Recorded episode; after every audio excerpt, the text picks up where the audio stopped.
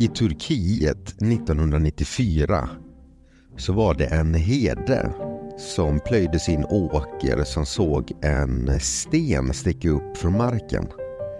Han borstade bort jorden och insåg att stenen kan, eller såg ut att vara en del av ett mycket större föremål. Han kontaktade det lokala museet som i sin tur fick tag i Klaus Schmidt.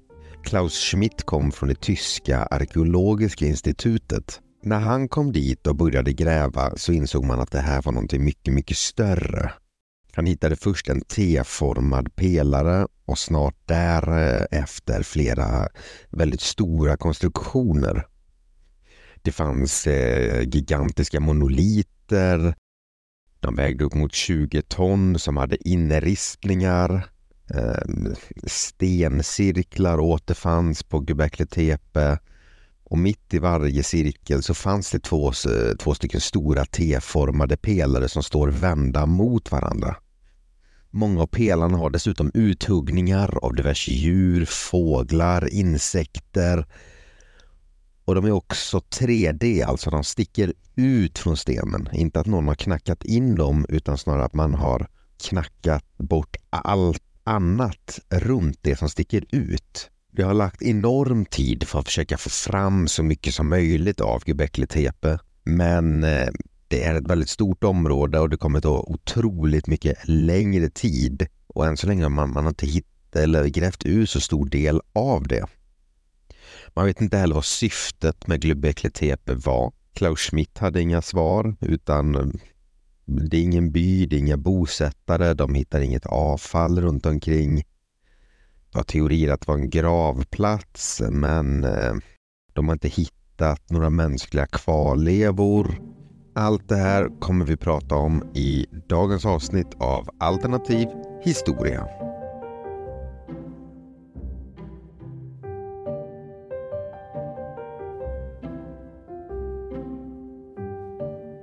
Vidare i Göbekli Tepe så återfinns inga odlade växter utan endast ben efter vilda djur. Arkeologer tänker att allting är med gudar att göra, religion och det är en väldigt enkel teori de har att allt som de inte vet vad det är det hänvisar man till att det är en religiös plats eller någon offringsplats. Detta har det även varit eh, snack om med Göbekli Tepe.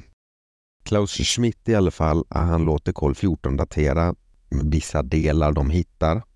Fyllningar i stenar, eh, olika saker de hittar runt omkring på de här eh, platserna.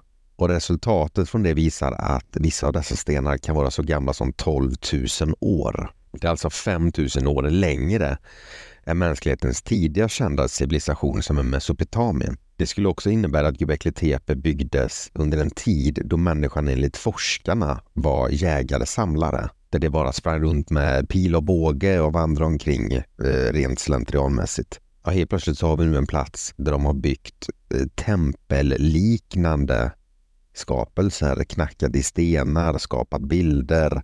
Tidigare den här tiden så kunde de göra eh, målningar på klippväggar och så här. Men inte har det setts tidigare att de kunde resa monument och sådana här eh, T-formade monoliter.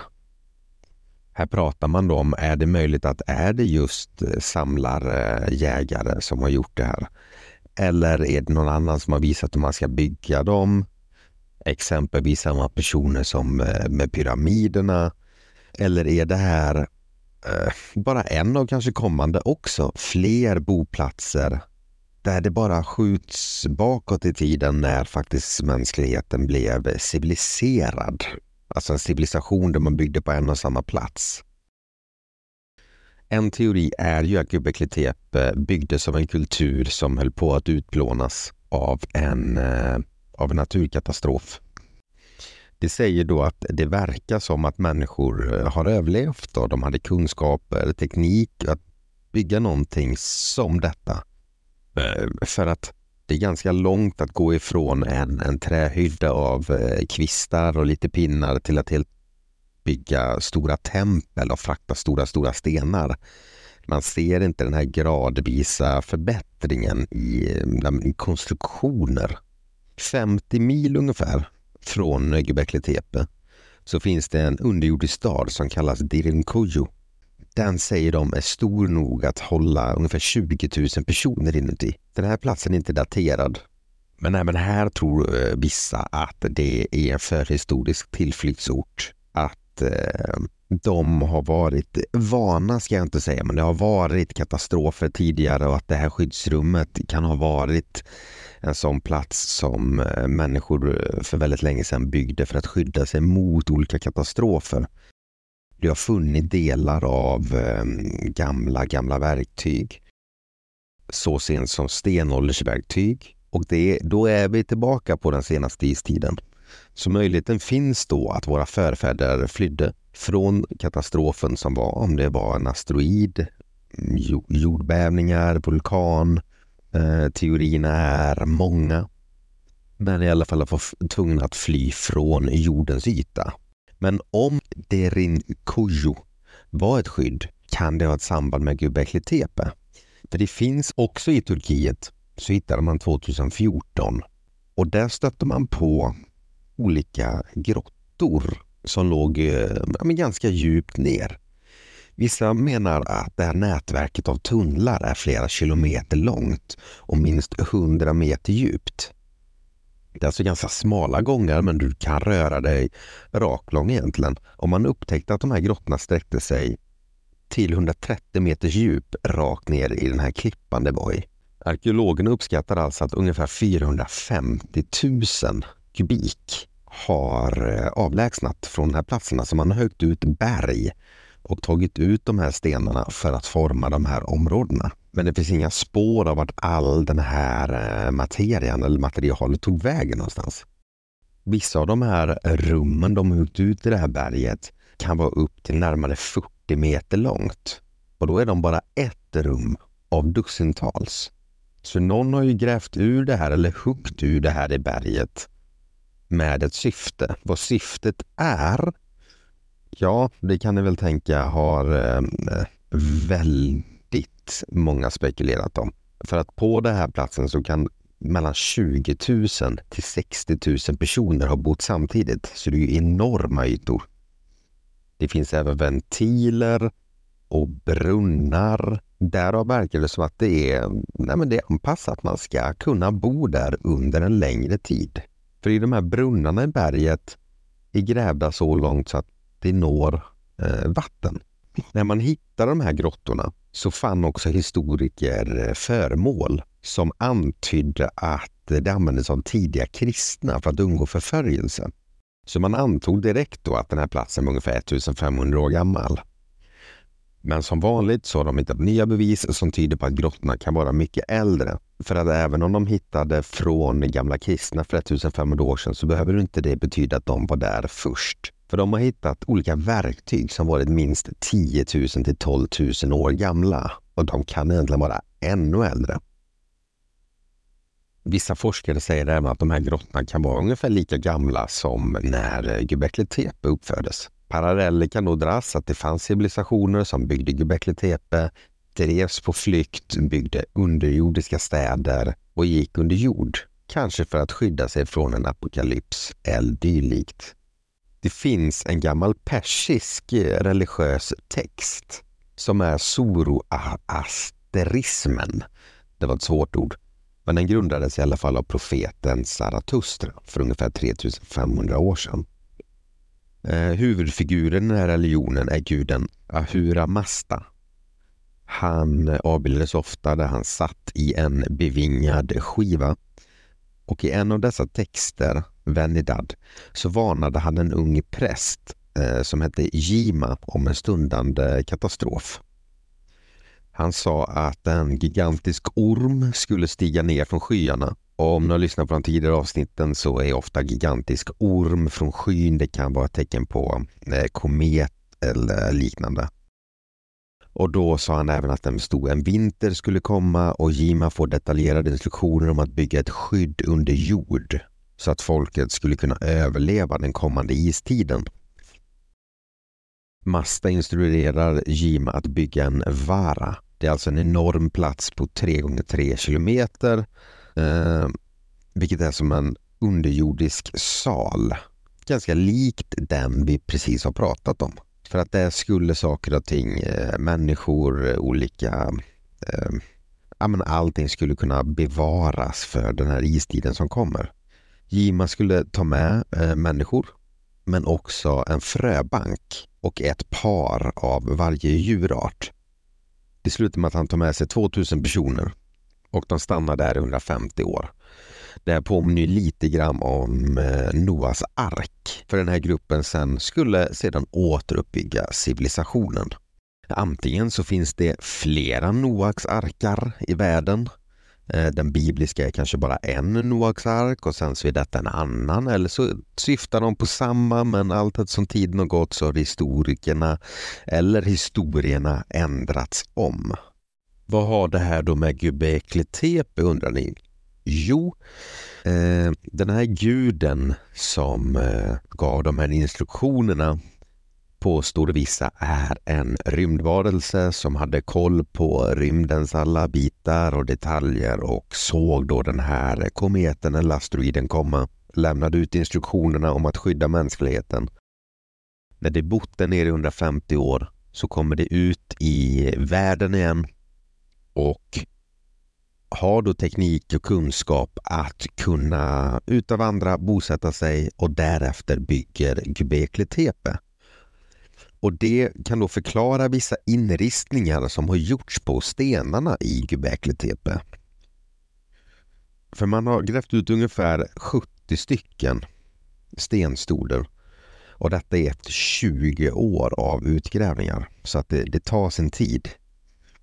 En tredjedel av de här har eh, djurristningar på däggdjur, reptiler, insekter, fåglar.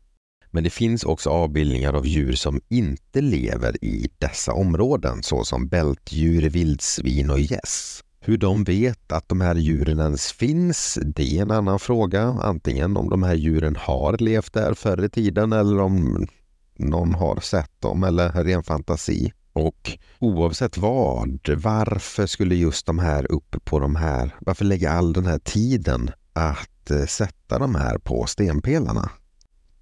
I mitten av varje stencirkel så står det också två stycken eh, monolitstoder som är, de är relativt stora. De väger upp mot 20 ton och är mer än två våningar höga. Dessa pelare är ganska människoliknande det har armar eh, som går runt till framsidan och har ganska långa spindelliknande fingrar. De har konstiga, Det ser ut som de har bälten på sig nästan. Och, eh, missförstå mig nu, de här stenarna ser inte ut som människor. Ser det som, en rekta ser det som ett T, men på eh, den långa delen av T så är det liksom utknackat armar och sådär så kroppen är som en rektangel. Men det är, är målat på om man kan uttrycka sig så. Det finns inga ansikten på de här stenarna utan det är bara en kropp och väldigt konstiga, nej men det ser ut som skärp nästan. Man vet egentligen inte vad det här är eller vad de ska symbolisera, om det ska vara människor eller gudar eller vad det nu kan vara. Det kan ju bara vara att det var så här, de var inte bättre och snyggare än så här. Några tusen år senare så kom pyramiderna, Eh, men människorna hade blivit bättre på att knacka ur detaljer, göra finare stenstatyer. Men det här var just det här som jag var inne på innan. Det börjar med någonting väldigt fult och så blir det finare och finare. Och det här ligger någonstans mittemellan.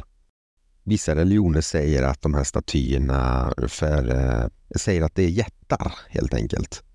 De här liknande stenstatyerna i Göbekli Tepe, det finns massor som påminner om de dem runt om i hela världen. Antingen är det att de försöker avbilda samma figur eller om det bara är att ja, det går inte att göra en människa på så jättemånga olika vis. Du har två händer, du har fem fingrar. Och att bara för att de ser lika ut så är det för att människan är lika. Det finns exempelvis en sten som hittades där och det här är en totempåle som eh, de hittade 2010 den uppskattar de är ungefär 10 till 12 000 år gammal. Och den har tre stycken eh, motiv som är ovanpå varandra. Det är liksom tre huvuden. Högst upp så är det förstört. Men på sidan av den så ser man då att det är öronen finns, men ansiktet är förstört. Sen ser man att den här personen håller en annan figur, varav det ansiktet också är förstört. Så man ser inte så mycket av vad det är. Och armar och händer håller i en tredje figur och det är ett litet barn. Så man ser tre stycken ansikten, eller vad, tanken är att vara ansikten, men två stycken är sönderslagna. Och det är bara det längst ner som syns och det är eh, en liten bebis. Det är väldigt otydligt, man får eh, använda sin fantasi en aning för att eh, eh, se det. Men det är sedan gammalt att vill folk inte att man ska tro på en viss typ så slår man sönder statyer. Det har vi sett eh, så som Isis höll på nu när de slog sönder många egyptiska föremål. Um, så har man eh, troligtvis gjort i alla tider. Varför man bara slog bort två stycken av ansiktena, det är väl frågan här. Eller om det bara är så att den har gått sönder rent generellt.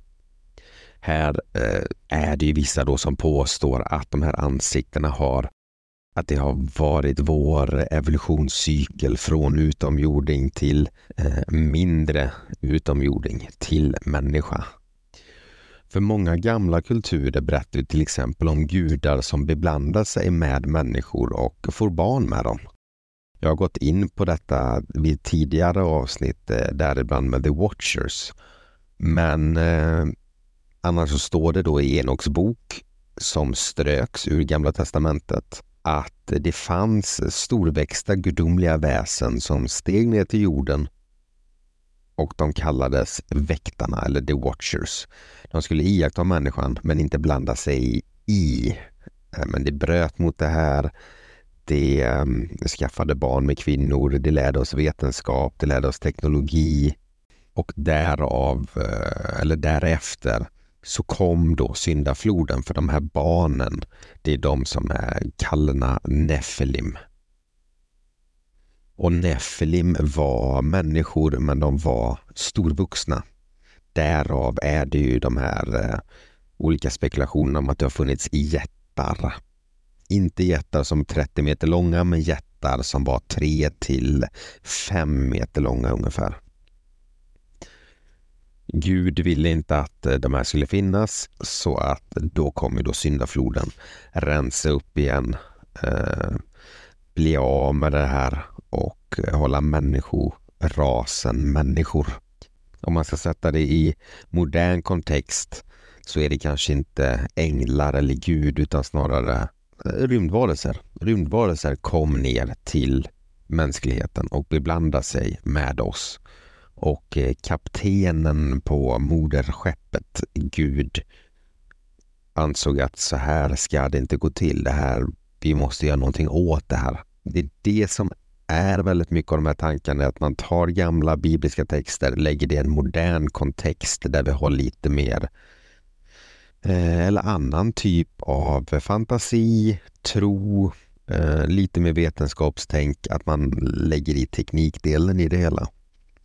Men det är ett väldigt intressant ämne, spännande att läsa på. Men glöm inte bort att det här är mycket teorier eh, som är väldigt roligt att lyssna på. Man kan låta tankarna eh, springa iväg men man ska alltid vara väldigt, väldigt kritisk till sån här, eh, till sån här information för den kan vara väldigt vinklad. Men eh, hoppas ni uppskattade avsnittet så hörs vi i nästa avsnitt.